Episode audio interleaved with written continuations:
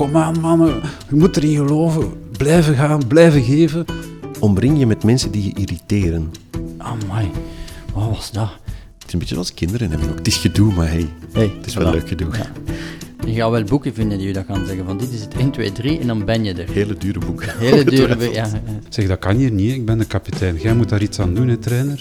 Neem een voorbeeld aan Al-Qaeda en IS. Daar is natuurlijk niet één antwoord op. Hoe meer leiders je in een groep hebt, sterker het resultaat zal zijn.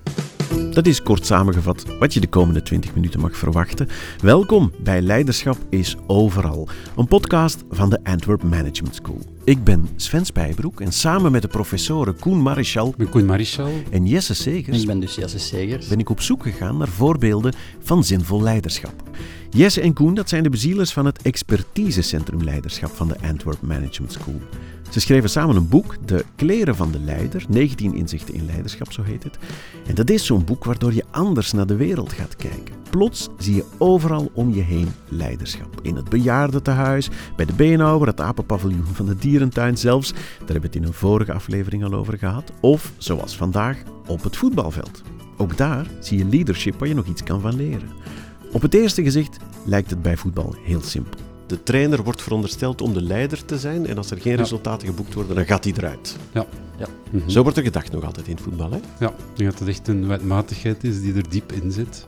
Is dat een goede manier van denken? Het is, eh, het is een heel natuurlijke, bijna biologische manier van denken. hè. Je hebt de, de leider van een groep en als de, de, de groep het niet goed doet, dan wordt de leider afgezet. Ja. Ehm, Vorige keer hadden we het over de dierentuin en over de, de wat is het, de zilverrug. Voilà. Het alfamannetje, hè? Ja. dat daar de basis is. En als die het niet meer aan kan, als hij geen leiding meer kan geven, dan wordt hij eruit gebonjourd. ja, ik denk als Beetje de zilverrug, model, ja, als de zilverrug de, de troep heel tijd naar plaatsen leidt, omdat er niks te eten is of niks te, ja, te vinden is, dat er snel zowel eh een in de groep gaat rechtstaan en zeggen van ik weet het beter. Ja. En dat is wat in het voetbal gebeurt. Ja. Defenestratie. Ja. Het raam uit. Ja. Ik heb in de krant wel eens een artikel gelezen, ik denk deze zomer. En dat ging over een studie eh, over voetbalploegen, dat daar denk ik vijf of zes leiderrollen waren. Dingen die je als leider zou kunnen doen, functies bijna. Ja. En dat die zelden of nooit in één mens verenigd zitten, maar Ja. een beetje verdeeld over de hele ploeg. Klopt. De ene Dus, neemt eh, dat stuk op zich, de andere dat. Ja. Het is een recent eh, doctoraatswerk van Katrien Fransen van de faculteit eh, Sportwetenschappen in Leuven, die onderzocht heeft van wie wordt er in een teamsport gezien als leider. Een heel boeiende vraag. Ja. Je zou verwachten de trainer. Of, Of de kapitein. kapitein. Of de Ja. kapitein, eigenlijk. Van, eh, dat is zo typisch wel degene die de groep moet leiden. Ja. En zij vond dus dat, eh, ze heeft onderzoek gedaan van amateurploegen, dus van, van echt eh, puur eh, amateurploegen tot topsport. in verschillende sporten. En overal komt ze wel tot dezelfde conclusie. Dus dat niet altijd de kapitein gezien wordt als een leider. Dus in 60% van de gevallen werd de kapitein ook wel gezien als leider, maar in 40% van de gevallen werd, viel zijn naam niet. Eh, Werden er andere spelers gezien als leider. En ze heeft ook eh, vastgesteld dat er eigenlijk vier manieren waren om gezien te worden als leider. Dus je kon eh, ofwel een stuk sociale leider zijn, dat is eigenlijk de speler die ziet van er zijn conflicten, er zijn ergernissen en die daarmee gaat werken, die dat een stuk gaat oplossen, die gaat vragen De van... people's manager. De people's manager, ja. Ja. ja. Andere speler die eh, gezien wordt als leider is degene die heel goed weet wat er moet gebeuren op welk moment in het spel. Dus die echt tactische richtlijning heeft. Mhm. Die tegen een ander speler zegt van, jij moet nu daar gaan staan. ja, die technisch gezien de beste speler Ja. is, zeg maar. Vaak ook degene met het meest eh, inzicht in het spel. eh, een stuk ook ervaring uiteraard. Ja. Mhm. Heb je nog een derde leider, dat is de motiverende leider. Dat is degene die de ploeg voortstuurt, ongeacht de situatie. Zelfs als ze 10-0 achter staan, die gaat zeggen, "Oh, kom aan mannen, je moet erin geloven, blijven gaan, blijven geven. Ja. Eh, die wordt ook gezien als een stuk leider. Ehm, en dan heb je nog een vierde, dat is degene die de groep vertegenwoordigt naar buiten toe. Dus degene die de pers te woord staat, of die bijvoorbeeld gaat onderhandelen met het bestuur over bonussystemen, of die gaat klagen als de groep een klacht heeft van we, we hebben niet genoeg uitrusting, of we krijgen niet genoeg tijd, of we moeten te vroeg trainen of te laat. En, dus die gaat onderhandelen met de trainer. Die wordt vanuit de kleedkamer vooruitgeduwd Ja. door de rest. Ga jij het maar Ja. uitleggen. ja. Dus die, ja, die behartigt eigenlijk de belangen naar buiten toe. Ja. Ja. Maar wat eigenlijk eh, ja, de sterkste conclusie was, is dat hoe meer spelers in de ploeg zo een van die rollen opnemen, en dat dat kan, is dat Mhm. er meer spelers gezien worden als leider, hoe succesvoller het team werd. En dat is eigenlijk een heel fundamentele conclusie, denk ik, ook voor teams, groepen, in organisaties. Ja, ja.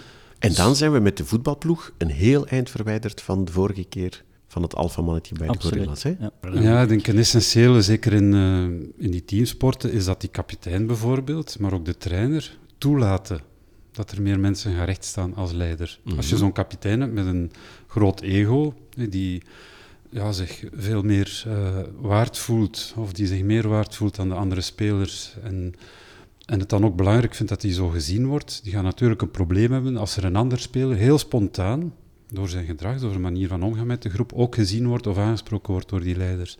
Kan je wel eens hebben dat zo'n kapitein gaat klagen bij de trainer, zo van, zeg, dat kan hier niet, ik ben de kapitein, jij moet daar iets aan doen, hè, trainer. Die loopt buiten zijn schoenen. Ja. En dan onderdruk je eigenlijk ja, wat er mogelijk is aan leiderschap. Dus Ja. ideaal heb je wel een kapitein, want dat is een formele rol, die heeft wel een band, maar die eigenlijk perfect toelaat dat anderen ook leiderschap opnemen. En waarin dat er een soort collectieve eh, wijsheid komt van wie moet eigenlijk welk leiderschap opnemen op welk moment. Want die motiverende leider die moet ook niet heel de tijd door lopen te motiveren. De mensen gaan zich eh, rot gefrustreerd voelen. Dus hij moet ook weten wanneer wel en wat niet. En Ja. dat is eigenlijk het samenspel tussen leiders, wat groepen en eh, organisaties fantastisch sterk kan maken. Ja. En- Enerzijds, enerzijds heb je dan ehm, een soort dictatuur, zeg maar. Van één is de baas en die beslist alles. extreem, ja, ja. Een soort sportfascisme, zeg maar. Ja. Daar willen jullie vanaf, gok ik. In de meeste gevallen. Vaak. Aan de andere kant riskeer je ook een soort totale anarchie te hebben. Hè? Van, van iedereen doet maar wat. Dan gaat iedereen vaak ook inderdaad voor zijn eigen belangen opkomen. En dan riskeer je totale chaos. Hoe kan je dat vermijden? Je moet een bindend mechanisme hebben natuurlijk. Je hebt een gemeenschappelijk waardekader nodig, of je hebt een gemeenschappelijke visie nodig om de zaak bij elkaar te houden. Want dat weten we ook. Hè. Je kan het- you, can, you can have the best and the worst in die modellen. Ja. Je moet het er eens over zijn over welk soort voetbal je wilt spelen, om te beginnen. Bijvoorbeeld, ja. Ja. Is het, wil dat dan zeggen dat het succes van organisaties begint bij, bij HR, bij wie je aanneemt? De hele talent scouting, van zorg dat je de juiste mensen samenzet. Selectie en selecteren in functie van wat er nodig is Ja. en in functie van de groep, Ja, dat dat eigenlijk een, eh, een heel kritische factor is in leiderschap. gebeurt dat vaak? Te weinig. Hè. Er, wordt heel, er wordt heel vaak gekeken naar eh, wat, wat, zijn de, wat zijn de vereisten voor de functie, los van de context waarin dat die functie Ja. plaatsvindt. Trappers tegen een bal, Ja. als je dat goed doet, dan Ja. nemen we je aan. Er wordt niet gekeken van wat voor soort mens Hoe ben ligt je. hij in de groep? Voilà. Ja, wat brengt Ja. hij mee? Ja. enzovoort. Ja. En dat is, dat is even goed. Ik krijg af en toe die vraag: waar moet een nieuwe CEO aan voldoen? Wat zijn dan de, het lijstje van competenties? Ja, dat is een, eh, een heel vreemde vraag om te stellen, want de vraag is: met welk team moet hij gaan werken? Mhm. Eh, Voor hetzelfde geld zijn dat allemaal geniale mensen en moet daar helemaal niet de slimste uit de hoop zijn, natuurlijk. Maar vooral goed om kunnen met een, een hoop geniale mensen. Ja, en die kunnen laten schitteren, of omgekeerd. Ja. Frans Verleij heeft dat ooit gezegd over de redactie van KNAK. De voornaamste taak van de redac- hoofdredacteur is rondgaan met de koffie. Ja. Ja, ja, dat is een mooi Ja, beeld. absoluut. ja. En al die ego's leider. van journalisten hun ding laten doen en een Ja. beetje sturen op die Ja. manier. Ja. Ja. Maar dat betekent selectie, dienend ja. leiderschap. Hè? Dat is een mooi voorbeeld van het model Ja. van dienend leiderschap. Zoals met alle bescheidenheid ook valse bescheidenheid natuurlijk. Dat hij zou wist goed genoeg ja. wat hij aan het doen was op dat moment. Ja. Ik herinner mij nog een andere studie. Ik vind het wel leuk om dat dan bij echte professoren te kunnen aftoetsen. Het was eh, in, in de psychologie dat ehm, iedereen vindt iedereen die op hemzelf lijkt het meest aangename. En hoe meer kenmerk je gelijk hebt van, van ik persoonlijk als blanke van nature Ja. heb ik meer een band met een blanke dan Ja. met een zwarte. En een zwarte heeft dat met zwarte. Hoeveel- Enzovoort. Eh, opleidingsniveau, plaats waar je vandaan komt, het rare dialect Ja. dat je spreekt, of je groot of Ja. klein bent, enzovoort. En hoe meer ken... En dus iedereen, als hij iemand aanneemt, gaat hij zich het meest op het gemak Ja. voelen bij iemand die op hem, op hem Ja. lijkt. Ja, klopt. Hoeveel tijd hebben we nog om dit eh, verder te bespreken? Want er zit zo wel... Want, Ja. Maar dat bedreigt je toch, als iemand dan beslist van die en die mensen komen binnen. Je ziet dat soms zo rond, hè? dat rond bazen hetzelfde soort mensen clusteren. In sameness we connect, zeggen ze zo Ja. mooi. Maar het is wel in differences we grow. Dus het is... eh, Het advies dat ik daaruit geleerd had was, eh, omring je met mensen die je irriteren. Mhm. Die op een of andere manier dingen doen waarvan je denkt, dat zou ik nooit doen. Ja. Mhm. En dan heb je kans om allerlei blinde Ja. vlekken af te dekken. En dan moet je heel goed om kunnen met irritatie. Dat is verschrikkelijk.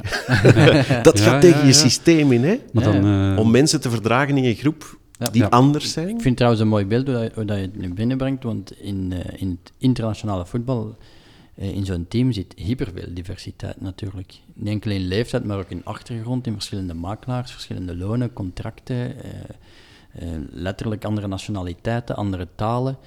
Die, die trainer is dan ook nog eens van een andere taal, met een andere geschiedenis, dus er zit daar heel veel diversiteit in zo'n klein kleedkamertje. Ja, dat is waar. Om even te Mhm. managen, dus dat is niet zo evident. Dus- Vroeger was een club, dat was makkelijk. Dat was de club van Torp en dat waren allemaal kinderen van Torp. Ja. Tegenwoordig, hoe maak je daar één ploeg van?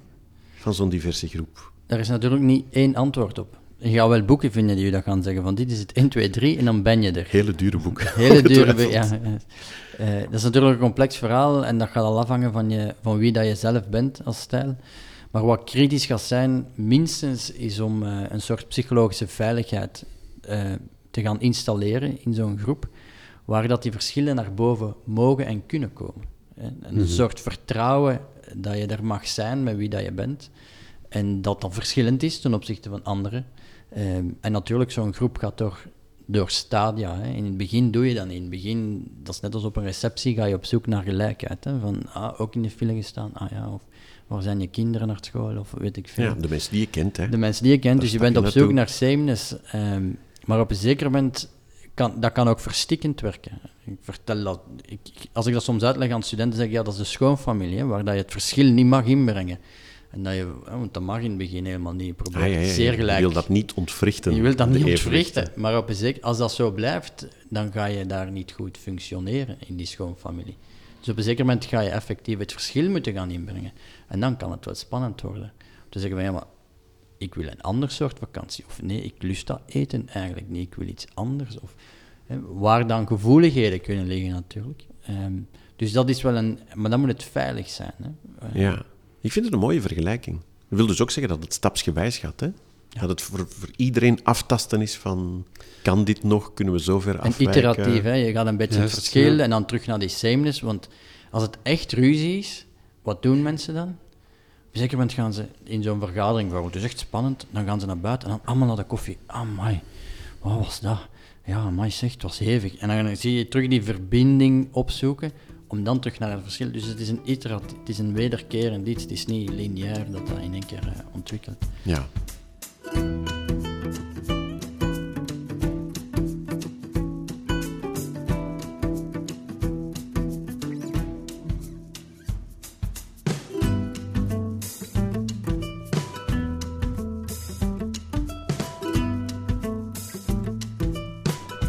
Ik weet wat je nu denkt.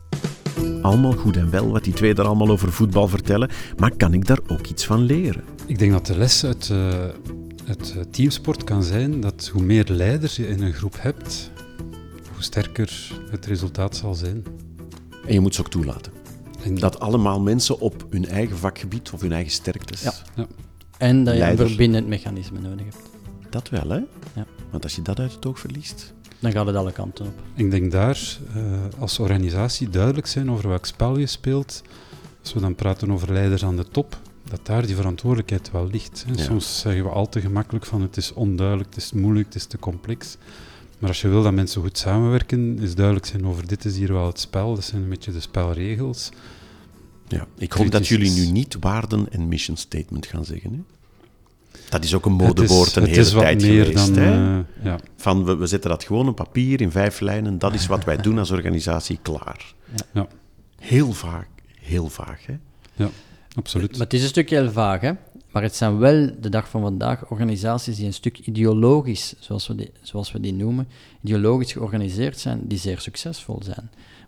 De negatieve voorbeelden eh, zijn eh, Al-Qaeda en IS, hè, maar ik, ik die zou... Pardon, die hebben geen waarden? Of... Juist wel, hè. dat Ah, is een heel veel. fa- fantastische ideologische organisatie. Ik bedoel, mensen geven daar gratis en voor niks hun, letterlijk hun leven voor die organisaties.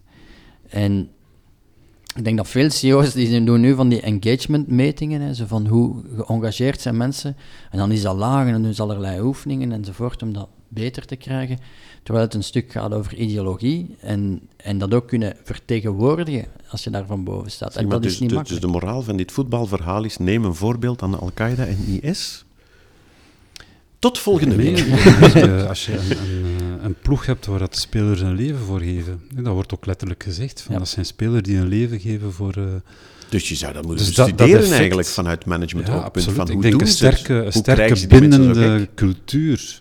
Als, als iedereen in een organisatie weet van daar staan wij voor, dat is wat wij, wie we zijn, ja, dan, dan heb je veel minder controleren, sturen, management nodig. Dan heb je ook geen affiches aan de muur nodig over wie dat we zijn. Ja. Iedereen toont het gewoon.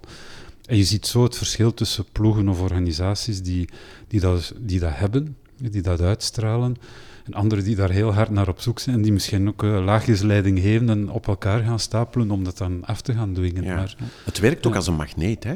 Ja. Zoals bijvoorbeeld bij IS. Mensen trekken direct Absoluut. van de het hele wereld naartoe. Ja. Bij bedrijven heb je dat ook, hè? Er zijn Ja. altijd waar ze aan de deur staan. Maar het gaat over de Ja, ja. waarom, hè. Ja. Dus het gaat niet over wat dat we doen of hoe, maar over de waarom. En ik, ik weet dat er een trainer is, ik weet niet meer welke. Het is ook een... een eh, eh, ah, ik geloof dat eh, eh, Fer, eh, Em- Emile F- en- Fer- Ferrari of... Ferraro. Ferrara, is dat Ferrara. geen trainer? Nee. Ja. Oh, wat zijn we toch onder voetbalkenners. We gaan het vandaag eens over al- voetbal hebben. Maar alleszins, die man liet op een zeker moment, eh, voor een belangrijke wedstrijd was het, liet hij een stukje zien van, als ik me niet vergis, John Terry, de belangrijke speler die nu op pensioen is eh, van de Engelse voetbal en ook van de nationale voetbalploeg. En hij is een verdediger en je ziet letterlijk dat hij zijn hoofd ervoor gooit. Hè.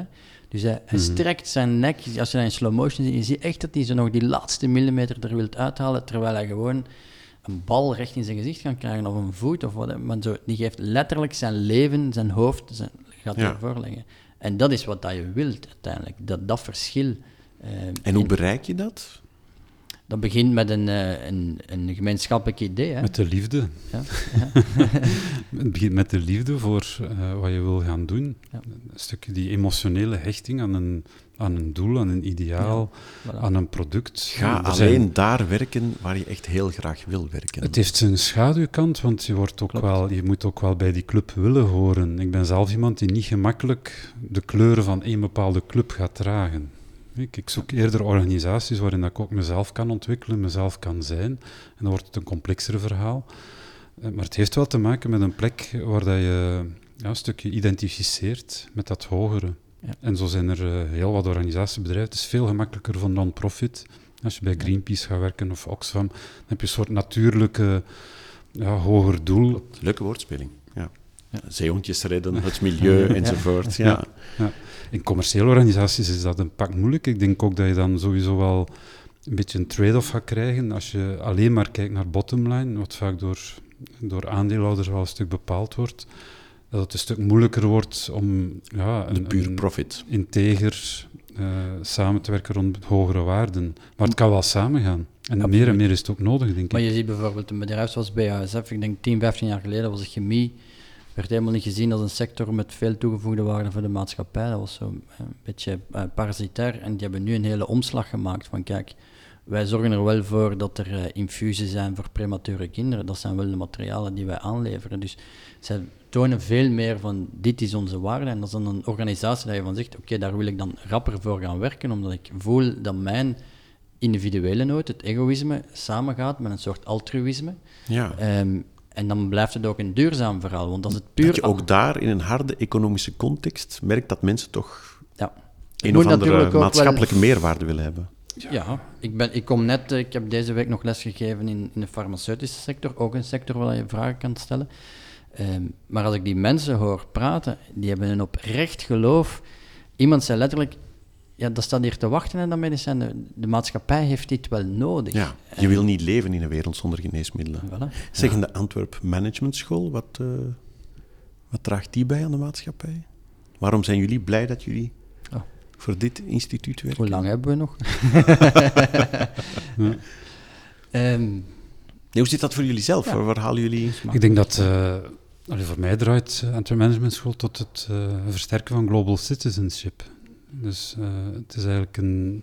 Het oog- wereldburgerschap. Ja, dus de notie van burgerschap. Dus wij ontwikkelen mensen, we, we, we leren eh, de stijl van management, eh, van leiding geven, maar altijd wel vanuit het idee van, van verantwoordelijkheid die verder gaat dan uw eigen organisatie alleen. Het is ook, ook kijken naar de impact van wat je doet op de bredere omgeving. Dus is dat citizenship gebeuren, er zit iets activistisch in. Ja. Het global denken heeft te maken met, we hebben echt openheid nodig, we hebben een, een brede kijk nodig op wat er gebeurt in de wereld, om hier oplossingen te vinden voor de problemen die we hebben. Dus Ja. het afsluiten, het op jezelf terugplooien, alleen kijken naar je eigen, eh, eigen belang, ja, is eigenlijk geen bijdrage aan, eh, aan wat mensen nodig hebben. Want dat is altijd deze vraag, ze proberen een betere wereld te maken, maar beter voor wie? Beter voor jezelf, beter voor je familie, beter voor je organisatie, beter voor de maatschappij. En wat goed is voor het een is niet noodzakelijk goed voor de andere. En hoe meer dat we met die paradoxen en spanningen kunnen omgaan en op zoek gaan naar, eh, naar these, antithese en dan synthese. Mhm. Ehm, Klassieke voorbeeld, wat goed is voor de winst, voor de aandeelhouders, is slecht voor het milieu Voilà. en de omgeving, voilà. bijvoorbeeld. En we- daar zetten wij sterk op in, dat, dat mensen die, die complexiteit durven omarmen, er durven naar kijken en niet het afsluiten om te zeggen het is goed voor mezelf en goed voor de organisatie, en dan stopt het. Ehm, en dat is vanuit leiderschap denk ik een eh, enorm dankbare plek om mensen daar in dat proces, want dat is een proces, te kunnen begeleiden. Eh, en op die manier ervoor te zorgen, denken wij, dat de wereld een mooiere plek is. Ik, ik denk dus dat is heel ideologisch. vioolmuziek nu of zo, zo echt Ja. iets heel ontroerends. En, Ja. ja. Zet die er maar op. Wat Ja, een of- hoopvol einde. Ja, of wat noise vind ik ook wel goed. Gewoon, Ja, meestal ja. is het ook gedoe. er natuurlijk, mag wel een, een contrapunt zijn. Daarom heet het het leven ook natuurlijk. Ja, Ja, ja. dat altijd gedoe is. Ja. Maar ook dat gedoe omarmen is zo leuk. Ja, dat is waar. Ja. Het is een beetje zoals een relatie, het is een beetje zoals kinderen hebben ook. Het is gedoe, maar hey, Hey, het is wel leuk gedoe. Ja. De kleren van de leiders, weet jullie boek, hè? 19 inzichten in leiderschap van Koen Marichal en Jesse Segers. Ehm, en mensen die bij jullie in de klas willen komen zitten om mee te doen. Mag ik dat nog zeggen? Klas in jullie? Ja, nee, we, we hebben nog... Het zijn, het zijn seminars, ongetwijfeld. Workshops. Dat klinkt wel raar. Workshops, workshops vind ik een mooi. Enfin, je begrijpt wat ik bedoel. Hè? Als je een opleiding wil volgen aan de Antwerp Management School, of je wil het boek van Jessen of Koen lezen, of een mailen of zo, kan allemaal. antwerpmanagementschool.be, daar moet je zijn. En daar vind je ook alle andere afleveringen van deze podcast. Volgende keer neem ik je mee naar de slaapkamer van mijn dochter. Twee keer raden wie daar de baas is. Dankjewel voor het luisteren.